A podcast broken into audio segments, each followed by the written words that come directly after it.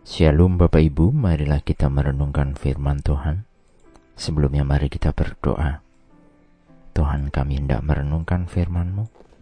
Roh Kudus pimpinlah kami. Di dalam Tuhan Yesus, kami berdoa. Amin.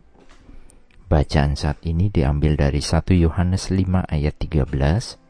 1 Yohanes 5 ayat 13. Semuanya itu kutuliskan kepada kamu supaya kamu yang percaya kepada nama An Allah tahu bahwa kamu memiliki hidup yang kekal.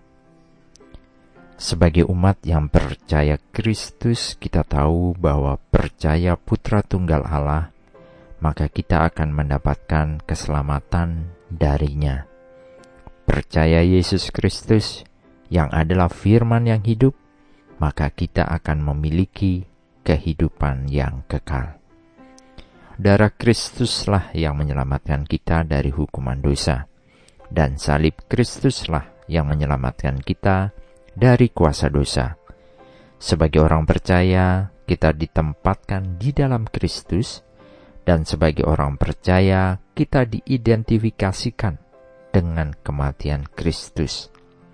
Dan juga sebagai orang percaya, kita turut disalibkan dengan Kristus tetapi juga sebagai orang percaya, ketika kita diidentifikasikan tidak saja hanya dalam kematian Kristus, namun juga dengan kebangkitan Kristus. Dan oleh karenanya dia hidup, kita juga akan hidup kekal.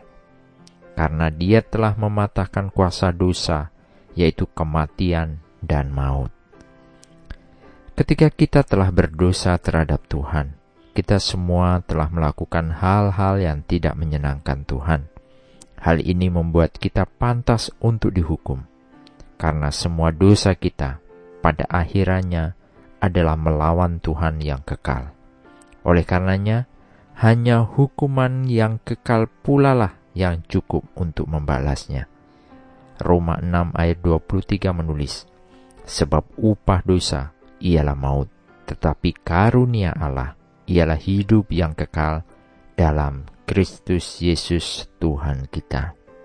Jika seseorang memperoleh kehidupan kekal, dia tidak akan pernah mati dan akan mewarisi janji dan berkat Tuhan untuk masuk ke dalam kerajaan Tuhan.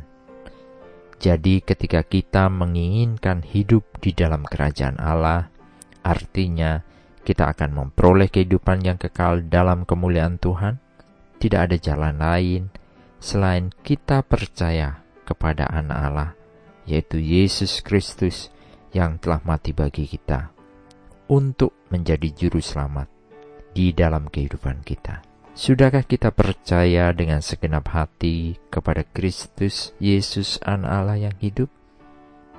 Di sanalah kita akan memiliki hidup yang kekal. Amin. Mari kita berdoa.